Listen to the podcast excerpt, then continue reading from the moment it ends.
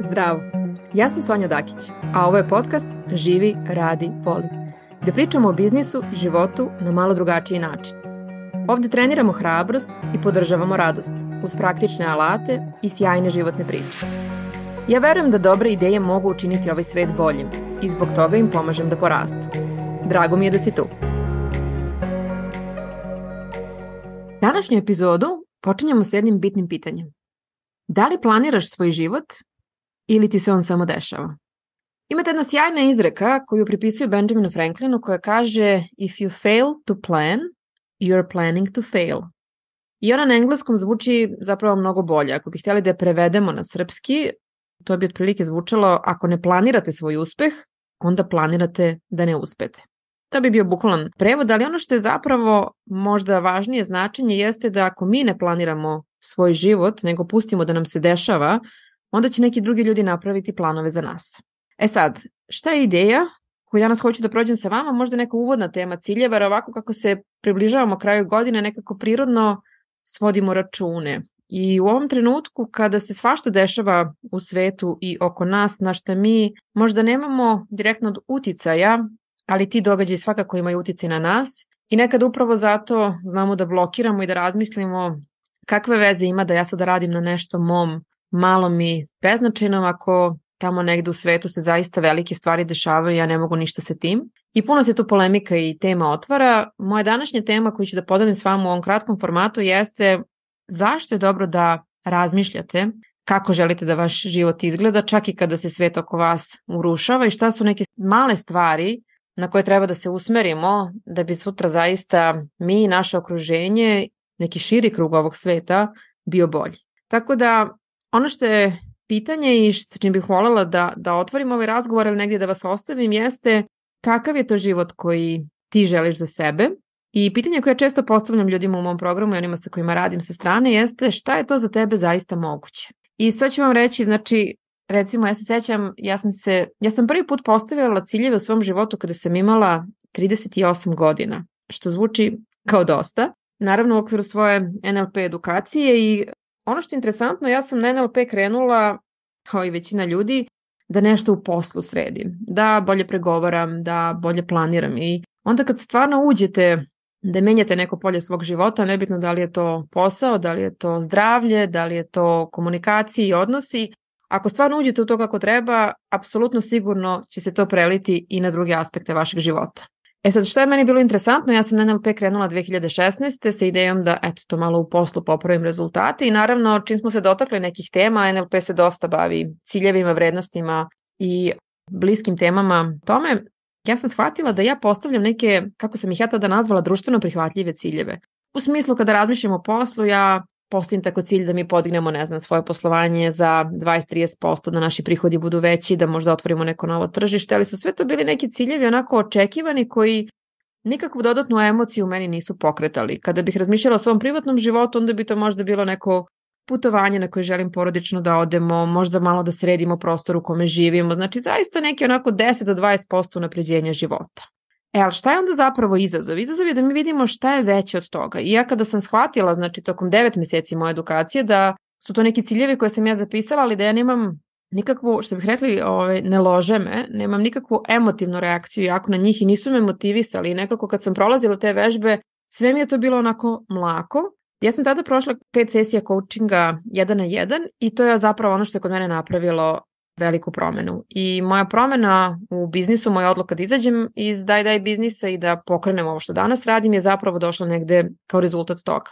Na tih pet sesija moj coachinga mi smo razne neke teme otvarali i zatvarali, dok se na poslednjoj sesiji vrlo simbolično nije upravo otvorila ta tema ciljeva. I kroz jednu lepu vizualizaciju gde me moj coach, profa, tada proveo vrlo, mislim da ni on toga nije bio svestan, ali je vizualizacija uključivala jednu vožnju brodom Za mene je brod velika metafora iz mog ličnog života jedno mesto iz mog detinstva, da kažem, na kome uspe da me vrati, gde sam se ja osjećala slobodno, ponosno, sigurno. Došla sam do te pozicije da ja pomislim, čekaj, ali šta ako je stvarno za mene više od ovoga moguće? Iako tada nisam znala ni šta to tačno znači, ni kako to izgleda, moj um je počeo da se otvara za više mogućnosti. E sad, jedan od prvih modula na masteru koji me sačekao je upravo bio ciljevi. Mislim da smo ih tada radili 4 ili 5 dana u kontinuitetu. To je zaista bilo rastavljanje na delove i sastavljanje iznova. Mislim da je jedan od najtransformativnijih treninga na kome sam bila. I sad ću da vam ispričam koliko je naš mozak zapravo moćan kroz moj primer kako je to kod mene praktično izgledalo. Mislim da je to bio neki treći ili četvrti dan kad sam se vraćala sa treninga, dogovorila sam se sa mojom sestrom da svratim kod njih, oni žive tu blizu. I ja sam izašla onako polu izgubljena, da kažem, od svega toga, jer vi kada, kada se sretnete sa tako nečim, to možda ste imali to iskustvo kada čitate neku knjigu, pa onda pročitate neki koncept koji vam je potpuno nov. I onda bukvalno shvatite da vašem umu treba vreme i prostor da, da tu novu informaciju upakuju negde. I onda oni krenu da traže, jel tako, činjenice i primere koji će to potvrditi. E, ja sam tako rastavljena, tako neki taj čet, treći ili četvrti dan krenula kod moje sestre, čuli smo se kada sam izašla nešto oko 5-6 i dogovorili smo se da ja odem da uzem neku klopu, pošto oni žive na petom spratu bez lifta, pa ja onda uvek zovem i pitam vam treba nešto sa zemlje, kako se mi šalimo kao pre nego što se popnem, jer posle ne mogu silazim i ponovo da se penjem. Dogovorili smo se, ovaj sačekala, kupila tu kineze i vratila se do njihovog ulaza putem kojim inače ne dolazi. E sad, njihova zgrada je specifična, nalazi se u bloku 21 na Novom Beogradu, to je ta takozvana duga paleta, jedna od najdužih zgrada, ima 40 i nešto ulaza, svi su vrlo slični, da kažem i cela zgrada bukvalno izgleda isto, imate 10 ulaza na toj jednoj strani gde je njihov. I ja sam tako polusvesna pod utiskom celog tog treninga, dolazim do njihove zgrade i primetim da kad sam krenula da pozvonim na, na interfon, da im je tabla sa imenima potpuno drugačije. I sad ja u proseku jednomesečno idem kod sestre i tako se viđamo i kao, ja vidiš, nije mi rekla da su i menjali kao tablu za interfon, kao da je to nešto bitno, ništa, ja problem da su vrata otvorena, uđem, ne moram ni da zvonim, ulazim u hodnik i vidim da je nešto drugačije, da je firma koja je ranije bila u prizemlju se promenila i kao ja vidi kao eto oni su neka građevinska firma koja je bila tu, oni su otišli, sad su došli neki drugi. Penjem se na prvi sprat, ok, znači pet spratova peški, a pet spratova se penjem stepeništem.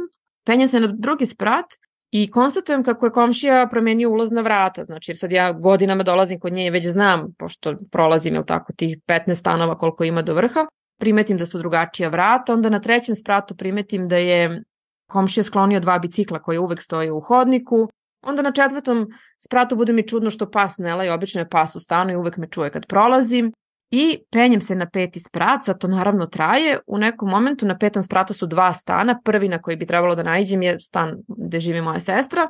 Ja stajem ispred vrata, pogledam u otirač, shvatim da nije njihov otirač, pogledam u vrata i shvatim da nisu njihova vrata. U tom trenutku ona mene zove i kaže gde si? Kao, zašto ti treba toliko vremena? I ja kažem, mislim da sam pogrešila ulaz. I ona me gleda, kako mi si pogrešila ulaz? Pa kao znaš, kao kod nas, prilike to kao interfon, pa ne znam, zubar u prizemlju, pa ovo, pa ono, pa kako ti se to desilo? I ja krećem da se smijem i kažem, ništa, ne mogu ti objašnjam sada, sići ću i popiću se ponovo. Znači, ne postoji način da pređem od jednog do drugog ulaza, nego da siđem skroz dole. I dok silazim, u stvari shvatam koliko je moj mozak, koji je bio, znači, koga, kome sam ja objasnila da je to taj ulaz, koliko je on uprkos nekoliko tih, 4-5 činjenica koje su bile drugačije, koliko je on meni napravio scenariju da to potvrdi. Znači sam rekla, aha, interfon je drugačiji, on je rekao, promenili su interfon. Ja sam rekla, firma u prizemlju je drugačija, on je rekao, verovatno su, ona se iselila, uselila se druga. Sve se to desilo kao za mesec dana, koliko ja nisam bila tu. Komšija na prvom spratu je promenio vrata, komšija na ovom spratu je sklonio bicikla. Komšija, znači ja sam za svaku tu nelogičnost, to jest razliku koju sam primetila, moj mozak je našao opravdanje. Ja se naravno sišla, popila se ponovno od njih, silno smo se ismejali, pričali o tome ovaj neko vreme, ali sam ostala fascinirana time koliko je moj mozak bio svestan da meni potvrdi situaciju koja logički nije imala objašnjenje. I tada sam shvatila koliko je u stvari on bitan, važan i koliko je jako vredno to šta mi pošaljemo svom umu kao poruku. I odatle ta neka moja poruka, to moje moguće, zapravo kreće da se menja. Iako u tom momentu nisam znala kao, ok, šta ću raditi, kako će moj život izgledati za dve godine, počela sam da se otvaram sama prema mogućnostima da vidim šta je to više što bi moglo da bude. I obično kad radim sa ljudima ja ih pitam dva jednostavna pitanja. Znači ne morate uopšte da imate 50 pitanja koji će vas doveti do, do neke veće mudrosti. Dovoljno da se zamislite čega želim više u mom životu i čega želim manje. I onda ljudi nekada krenu od prostih stvari kao pa želim više novca, pa želim više vremena. Ali šta znači više vremena? Za koga? Sa kim? Kako ćeš ga iskoristiti?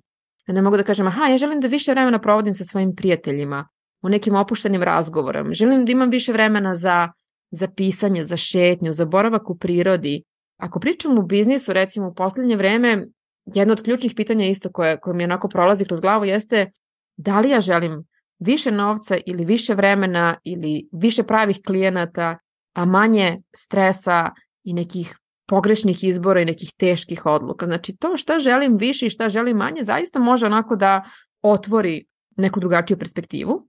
I ono što je negde moja ideja sa kojom sam negde postavila ovu današnju epizodu jeste da sebi postavite baš to pitanje. Šta bi za mene bilo više? Znači čega želim da imam više u životu? Čega želim da imam manje?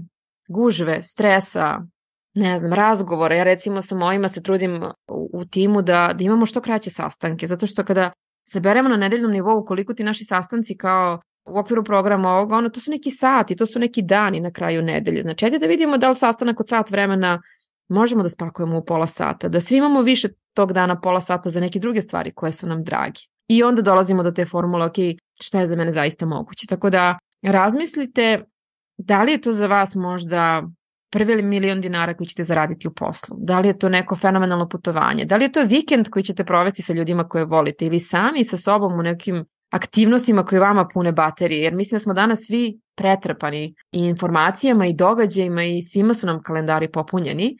Tako da je sasvim ok da krenemo od toga čega želim manje, pa onda da možemo da dođemo do toga šta je više. I ono što je super da razmišljaš kada se bavimo tom temom kako ja želim da moj život izgleda, Mi smo na NLP imali tu vežbu da raspisujemo tako za 10 godina, za 5 godina, pa onda se vraćamo tako sve bliže i bliže i obično nam to za 10 nekome bude lako da, da stavite dugoročne vizije, 10-20 godina, ali ima da teško da to približe. Ja sam onda to onako negde i šala, ali posle se pokazalo da možda ima veze Ja sam se uvek šalila i kažem ja pošto sam kratkovida, znači imam dioptriju, nosim minus i to znači da ja vidim na blizu, znači do metar dva ja super sve vidim, što se više udaljava objekat, to mi je on mutniji. I zato je meni nekako izazov uvek bio da postavljam te dugoročne ciljeve. Ali sam novim svakodnevnim, to na kratkoročnim, dve nedelje, mesec dana, do tri meseca, ja sam super operativna, jako dobro mogu da se isplaniram. I onda kada znam da je to takva situacija, ja onda sebe vežbam da bacim svoj pogled malo dalje. Znači da zaista razmislim, aha, za meni recimo dve, tri godine onako baš kao daleko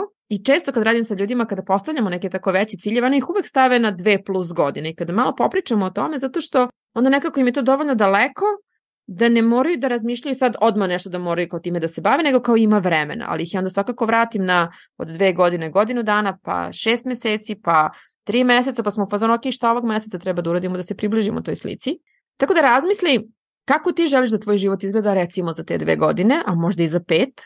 Gde živiš, u kakvom prostoru? Da li u stanu ili u kući u kojoj si sad? Da li je to nešto drugačije? Ko je tu sa tobom? Imaš partnera, decu, mače, kuće, šta je ili neka totalno drugačija ovaj, kompozicija? E, čime se baviš? Kako tvoji dani izgledaju? Kako tvoj idealan dan izgleda? Kad ustaneš ujutru, tokom dana? Kako jedna tvoja radna nedelja izgleda? Tvoje zdravlje? Koje su neke navike, rituali koje imaš koji ti prijaju? putovanja možda na koje želiš da, ovaj, da odeš neka mesta da vidiš, možda da se premestiš i da živiš negde mesec dana i to je super izazov.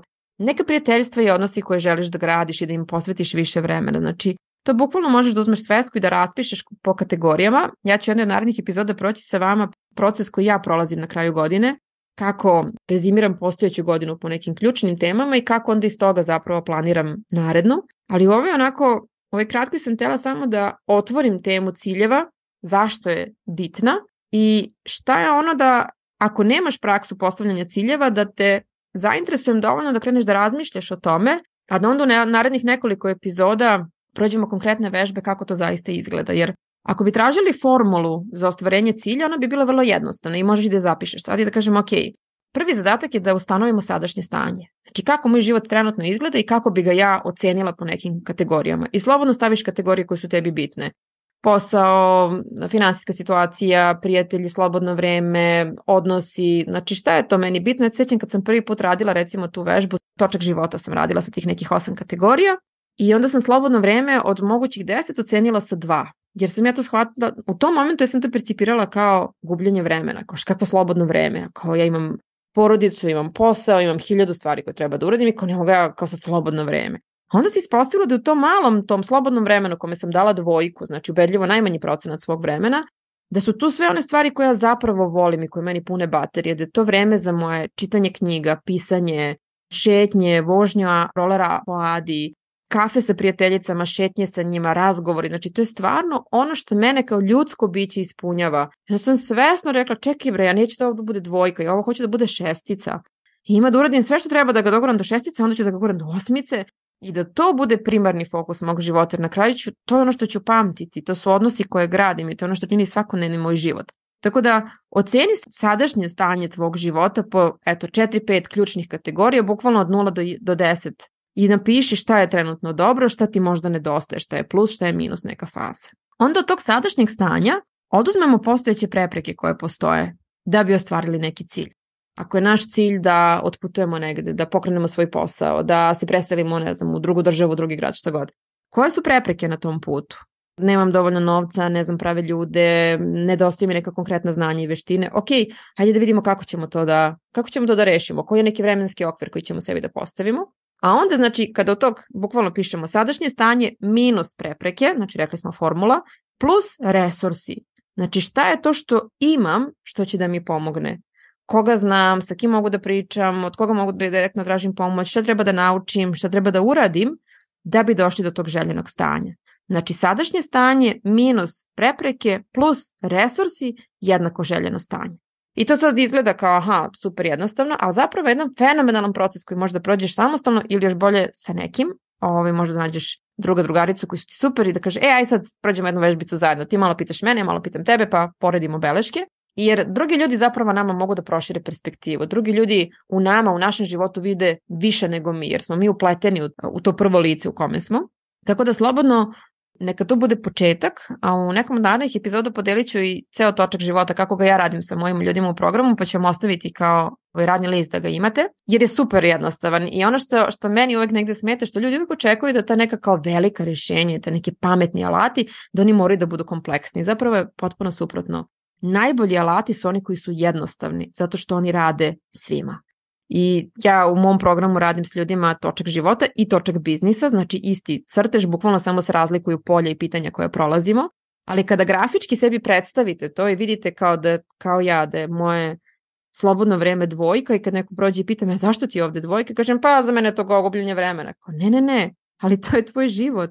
Slobodno vreme je sve ono što ti voliš da radiš, a ne spada u tvoj posao, u ne znam, tvoje zdravlje, navike i sve ostalo. Znači to je ono što, što si ti suštinski, e onda mi shvatimo da treba nešto drugačije da postavimo. Tako da imaj na umu da ono što je potrebno da bi ostvarili cilj jeste da postoji neka želja od koje ćemo da krenemo, šta ja želim za sebe u svom životu, šta želim u svom odnosu, šta želim u svom biznisu, da kada postavimo taj cilj i kada ga dobro definišemo, da odredimo jasne korake koje nas vode dotle. Nebitno da li je to za šest meseci, dve godine ili pet godina, da vidimo šta su neke sekvence kako mi to možemo da izdelimo to putovanje, kao kad putujemo od Beograda do, ne znam, Crne Gore na more, pa onda kažemo, ok, staćemo na Zlatiboru da ručamo, pa ćemo da stanemo ovde sipamo gorivo, pa ćemo da ovde stanemo popijemo kafu, i onda mi znamo da će taj put da nam bude lakši nego da u cugu sednemo u Beogradu i vozimo se, ne znam, do Kotora, Budve, Podgorice i kao da nam stvarno se smuči da se dva dana poravljamo tog puta. Tako da taj GPS i, i, ono Google Map koji danas tako svakodnevno koristimo je super metafora za